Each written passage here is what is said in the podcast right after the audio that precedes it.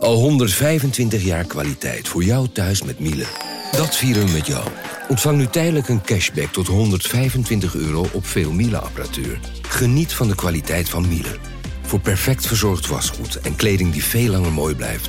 Voor een stralend schone vaat, even perfect als jouw diners.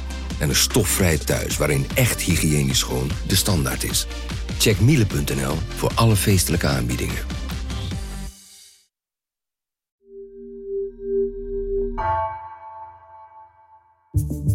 Vanaf de redactie van NRC het verhaal van vandaag.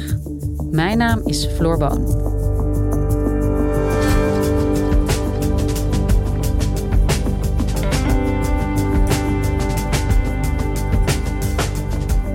Op woensdag kiest Indonesië een nieuwe president. Maar ondanks een periode van democratisering lijken de oude, autocratische krachten weer terug van misschien wel nooit helemaal weg geweest. De populaire kandidaat Prabowo pakt de bevolking in met mooie beloftes, al heeft hij een donker verleden, vertelt correspondent Saskia Kunniger. Overleeft de Indonesische democratie?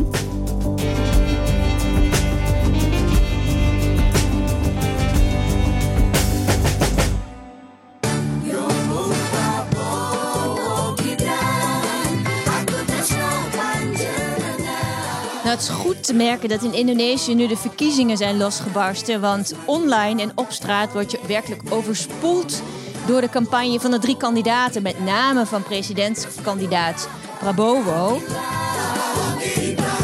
Zij hebben het meeste geld en zij steken heel veel energie in het presenteren van Prabowo als schattige opa tijdens campagne-rallies ging hij op het podium op een gegeven moment gekke dansjes doen. Saudara-saudara, ada musik nggak? Oke gas!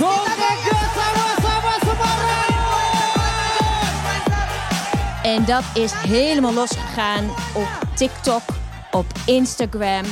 En overal kwam de hashtag Gemoy, wat schattig betekent in het Indonesisch. Overal op social media zie je Prabowo in allerlei verschijningen, in avatars, in kleuterpoppetjes, dansjes doen, in cartoons. Nomor 2, gas. En dat is niet toevallig, want zijn campagneteam die hebben zogenaamde cybertroepen. Dat zijn allemaal mensen die buzzers heten ze, die betaald worden om berichten te liken en om via nepaccounts deze berichten massaal te verspreiden. En dat heeft zijn effect. Icon,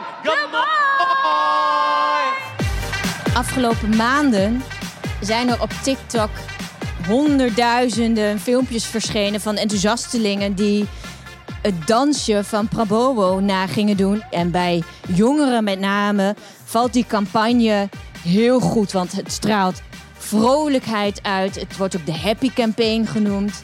Optimisme, hij belooft van alles. Hij belooft uh, allerlei banen. Hij belooft de hemel aan mensen. En dat zijn veel kiezers, want meer dan 50% van de Indonesische bevolking is onder de 40 jaar en 25, 30% onder de 27 jaar. En in de peilingen gaat Prabowo dan ook zeer uh, sterk. Hij staat voorop. Prabowo Gibran. Maar dit is wel heel opmerkelijk, want Prabowo is niet per se de schattige opa die hij lijkt te zijn. Integendeel, dat is hij helemaal niet. Hij is al 72. Hij heeft een donker verleden. Hij is nu de minister van Defensie. En hij was een belangrijke generaal onder dictator Suharto. En zeker niet onschuldig, want hij komt regelrecht uit het dictatoriale regime... waar Indonesië juist mee probeert af te rekenen. Ja, want Saskia, Suharto is heel lang aan de macht geweest, maar hij is ook al heel lang weer weg inmiddels. Voor wat voor een Indonesië stond hij? In 1966 greep Suharto de macht. Prabowo was toen al generaal. In 68 werd Suharto president. En hij was leider van een van de meest corrupte regimes ooit ter wereld. Zeer strakke censuur, een geoliede propagandamachine. En militairen waren diep doorgedrongen in allerlei burgerorganisaties. Gevangenissen zaten vol, tegenspraak werd niet geduld. En in 98 was er een financiële crisis en was er een grote volksopstand. Mensen waren het helemaal zat. De onderdrukking, de, de angst en ook de economische malaise. Massaal gingen mensen op straat. En toen is Suharto afgezet. En de presidenten na Suharto die hebben al heel veel veranderd. Het was toen besloten, we moeten nu nooit meer een dictatuur. Het democratiseringsproces moet nu komen. Dus dat is gestart rond 2000. En de bekroning van dit democratiseringsproces kwam in 2014. Want in, de hele periode na de val van Suharto waren toch vaak nog aan het militaire regime gelieerde generaals die dan president werden. Maar in 2014 gebeurde er echt iets bijzonders. Namelijk de huidige president, Joko Widodo, had geen banden met de elite. Dus dat was echt iets nieuws. En mensen dachten, nu is de democratie voltooid. Ik kan me ook nog wel herinneren dat hij werd gekozen. Hè? Er was echt een soort buzz omheen. Een soort jonge, frisse president. Werd hij niet ook de rock-president genoemd? Hij was in alles anders. Hij werd ook gezien als een jonge Obama. Joko Widodo was echt een verademing van mensen. Een man uit het volk, niet met een militaire achtergrond. En boven alles was hij ook nog een heavy metal fan. Er zijn in Indonesië heel veel heavy metal fans. En ik ben naar een rockfestival geweest, een heavy metal festival in Solo, de stad waar Jokowi ook zelf vandaan komt. Ik sprak verschillende heavy metal aanhangers die absoluut bevestigden dat ze destijds op Jokowi gestemd hadden. En omdat hij, net als zij, een metal fan was. I love Jokowi. I love Jokowi. Jokowi, the president, he is uh, Lamb of God and Metallica, yes? It's like uh, Jokowi. We think uh, Jokowi like uh, the one of us. Like a hope, new hope. Like a Jokowi is our. Dus er was een hele actieve band tussen de metalliefhebbers en de president. En wat deed hij precies toen hij president werd, hè, om die democratie ook te bevorderen? Het belangrijkste wat Jokowi heeft bewerkstelligd was economische groei. En hij heeft een goede zwengel aan de economie gegeven. Hij heeft wegen aangelegd, vliegvelden aangelegd. Hij heeft wel wat programma's voor gezondheidszorg en armoedebestrijding opgezet. En om uit die diepe armoede te komen, dat heeft hij echt grote stappen ingezet. En daar is het volk hem heel dankbaar voor. Ja, je zei dat uh, Joko Wie voor het eerst echt verandering bracht toen hij werd gekozen als president. Brak hij ook echt en daadwerkelijk met dat ondemocratische systeem dat Suharto zo in plaats had gezet? Ja nee. 30 jaar dictatuur ontmantel je dus niet zomaar. De elite van toen is gewoon gebleven. En zeker bij de tweede termijn van Jokowi bleek eigenlijk hoezeer hij nog afhankelijk was zelf van die kliek die eigenlijk nog altijd aan de touwtjes bleek te trekken. Dus in die tweede termijn kwamen steeds meer tekenen dat Jokowi steeds meer water bij de wijn ging doen die de democratie, wat mensen denken, die democratische instellingen langzaam gingen afbreken. Dus er ging een wet invoeren die arbeidsrechten afbrak, milieurechten werden verzwakt, een anticorruptie-instituut werd afgezwakt. Dus hij is toen allianties aangegaan met mensen die hun geld en macht hadden vergaard tijdens Suharto. Ja, dus hij heeft zich misschien toch laten omkopen, hè, als je het zo schetst. Ik bedoel, hij heeft in ieder geval gezegd: ik neem dat geld aan en dan gaat dat maar ten koste van die democratische idealen en plannen die ik heb. Hij had op een andere manier investeringen kunnen zoeken, maar hij heeft toch zijn ambitie laten prevaleren boven de democratie. En mensen denken ja, dat hij ook zelf misschien wel veranderd is in die tweede termijn. Dus er waren steeds meer tekenen die Jokowi uh, liet zien dat hij steeds minder op had eigenlijk met de democratie. Een Indonesië mag een president maar twee termijnen dienen. Maar Jokowi probeerde dus ook, zo kreeg ik te horen van een partijgenoot van hem, dat hij de wet probeerde te wijzigen, zodat hij een derde termijn zou kunnen krijgen. Nou ja, dus dat, langzaam begonnen ook zijn partijgenoten onrustig te worden. En ik sprak met de oud-burgemeester van Solo, FX Rudy, die aan het begin heeft gestaan van de carrière van Jokowi in Solo. FX Rudy vertelde hoe Jokowi toen was. Een nerd, verlegen. Geeky at first, like Pak Jokowi is geeky. we can say it's like it's it's very different it, with me and uh, Pak Pak Rudi and Pak Jokowi. It's like very geeky, funny, and like shy. He didn't have that experience. I'm I'm new, uh, but Pak Rudi said, as long as I will be the vice mayor, uh, let's do this. En hij heeft ook echt samen met Jokowi die partij groot gemaakt, het burgemeesterschap gedaan. En hij is zeer teleurgesteld. So at first, like really, really dis disappointed. This is like co- constitution. It's only uh, two period, no more. Hij was echt woedend eigenlijk. Met de laatste stap van Joko Widodo, namelijk dat zijn zoon Gibran nu de vicepresident is van de kandidaat van de tegenpartij. Hij zegt dat is een dolkstoot in onze rug. Traitor. Traitor. Ja. Apapun yang dilakukan oleh Pak Jokowi itu boleh-boleh saja. Dan namun They forgot they, the they- roots. they, they forget the roots. Jokowi is like the nut without the skin. Yeah, Jokowi and Gibran. And yeah. Gibran. Yeah. They forget where they came from. Dus die stap was voor heel veel mensen de druppel. En ja, dat ze het vertrouwen in Jokowi zijn verloren. Dat hij de democratische waarden hoog acht. Ja, en nu geeft hij vol zijn steun aan Prabowo. Ja, als je het zo vertelt allemaal, dan klinkt het als pure vriendjespolitiek. Hè? De man van het volk, grote democratische belofte, die zijn machtspositie niet wil opgeven. En ook nog notabene bondgenoot wordt van een oud-generaal onder dat dictatoriale regime van Suharto. Wat zit hier nou achter? Wat wil Jokowi? Nou ja, het lijkt duidelijk dat hij is niet van plan om van het toneel te verdwijnen. Critici zijn bang dat hij zijn eigen dynastie aan het smeden is. Hij heeft meer zonen. Hij heeft nog een jongste zoon. Die is benoemd tot de voorzitter van een andere partij, PSI. Want om verder te gaan als politieke dynastie heb je ook een eigen partij nodig, zal hij gedacht hebben. Want dat, zo werkt het wel in Indonesië. Dus dat zijn allemaal stappen die erop duiden dat Jokowi verder wil regeren na het einde van zijn termijn. Maar het is maar de vraag of Prabowo hem de ruimte gaat geven. Ja, en je zei al eerder dat Prabowo een oud-generaal was onder Suharto. Wat heeft hij precies op zijn kerfstok? Ja, hij heeft een heel zwart verleden. In het begin van zijn carrière in de jaren tachtig was hij een legerleider, een officier in de oorlog met Oost-Timor. Zijn elite-eenheid heeft ook allerlei oorlogsmisdaden uitgevoerd. Dus burgermoorden, marteling, verkrachting. Ook wordt hij verdacht van mensenrechten schendingen in West-Papua. Maar het belangrijkste waar mensen zich het meest nog kunnen herinneren... is zijn rol uh, bij het neerslaan van de studentenopstanden... bij de val van Suharto in 98... en het aanpakken van activisten tussen 96 en 98.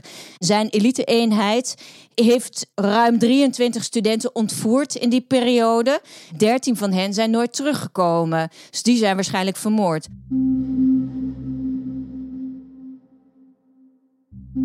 Ja, dus hij heeft een ontzettend donker verleden. Hoe kan het dan dat deze man nu zo populair is in Indonesië? Ik bedoel, oké, hij heeft een succesvolle TikTok-campagne. Maar eerder zei je ook al dat Indonesiërs wel echt behoorlijk klaar waren met dat verleden. En met die ondemocratische machtsstructuur van Suharto.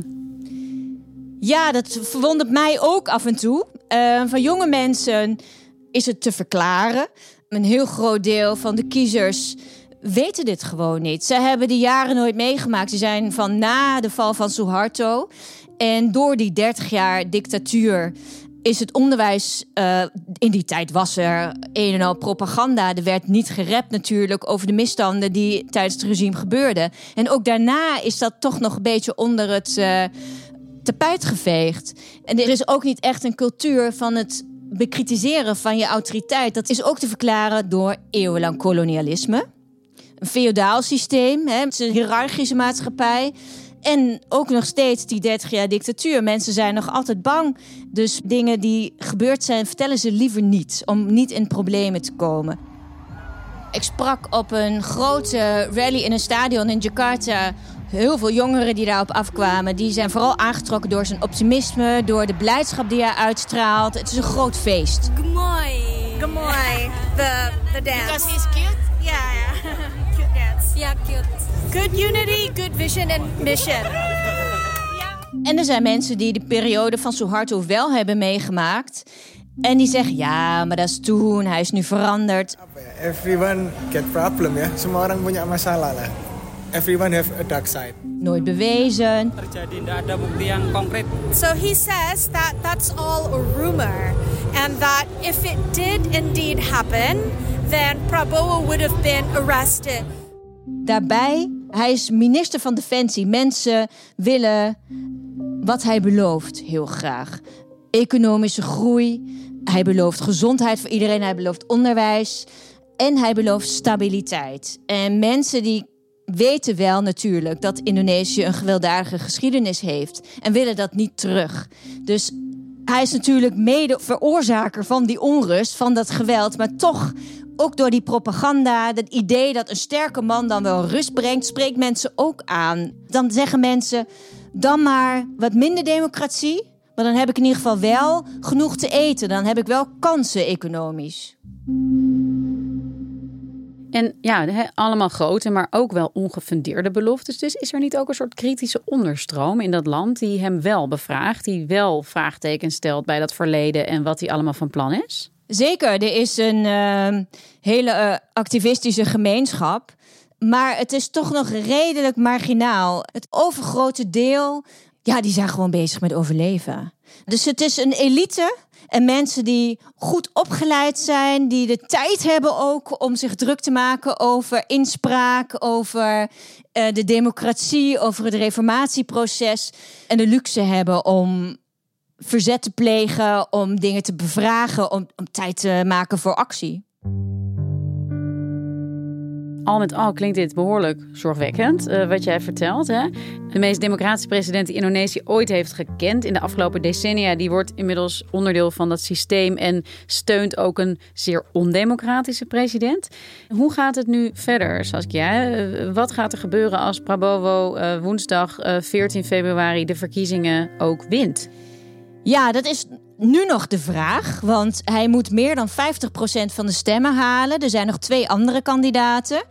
Hij ligt nu in de peilingen rond de 50%, dus dat is heel spannend. En dat worden ook heel onrustige tijden. Er zijn ook heel veel mensen in Indonesië bang voor gewelddadigheden. Want in het verleden, in andere verkiezingen, zijn er ook knokploegen bij aan te pas gekomen. En er zijn al tekenen dat mensen als ja, Prabowo, ook als minister van Defensie, de overheid inzet om tegenstemmen te intimideren. Hij is ook hoofd van de geheime diensten. Ik heb zelf tijdens mijn reportages niet zelden mensen gesproken die dan off the record aan mij toevertrouwen, als ik hun naam niet noemde.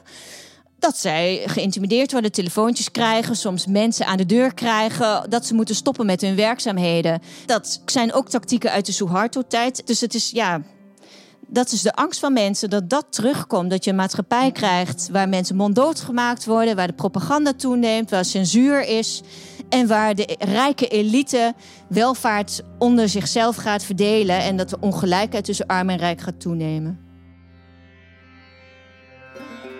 Ja, dus de risico's dat met een winst van Prabowo uh, ja, die ontluikende democratie echt opnieuw heel erg onder druk komt te staan, die is wel behoorlijk reëel. Of is dat heel pessimistisch gedacht? Nee, dat is zeker reëel. Dat is echt, uh, het zijn hele spannende tijden in Indonesië. Als Prabowo wint, uh, zou het zomaar kunnen zijn dat hij langzaam maar zeker dat keurslijf van zo'n autocratie terugbrengt. En als je naar het grote plaatje kijkt, Indonesië staat eigenlijk aan het begin van het democratiseringsproces. Eeuwen kolonialisme is eraan vooraf gegaan. 30 jaar dictatuur. En um, nu zo'n 25 jaar is het reformatieproces ingezet. Ik sprak ook analisten die zeggen: eigenlijk kon je toen zien dat na de val van Suharto de democratie wel is opgetuigd met instituten. Er is een parlement, alles lijkt er te zijn. Alle symbolen zijn er. Maar de machthebbers, de mensen achter de schermen, die zijn gewoon op hun plaats gebleven. Maar dit is wel echt een teruggang. Dus um, ja, ik heb geen uh, glazen bol. Ik hoop dat dit een tijdelijke terugval is. Maar dat er ook weer een nieuwe stroom komt van mensen die wel verzet gaan plegen en wel gaan strijden voor solidariteit, gelijkheid en een democratie weer de- die democratie weer echt handen en voeten gaan geven. Want Indonesië gaat wel economisch steeds beter. Dus mensen hebben wel ook steeds meer belang om op te komen voor zichzelf. Dus het worden hele interessante tijden, zeker in deze regio, waar autocratische krachten toenemen, maar ook mensen, de stem van mensen, steeds meer gehoord worden. Dankjewel Saskia. Graag gedaan.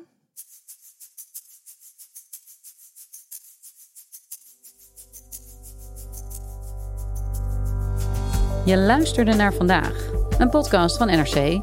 Eén verhaal, elke dag. Deze aflevering werd gemaakt door Esme Dirks en JP Geersing. Coördinatie Henk Ruigrok van der Werven. Dit was vandaag. Morgen weer.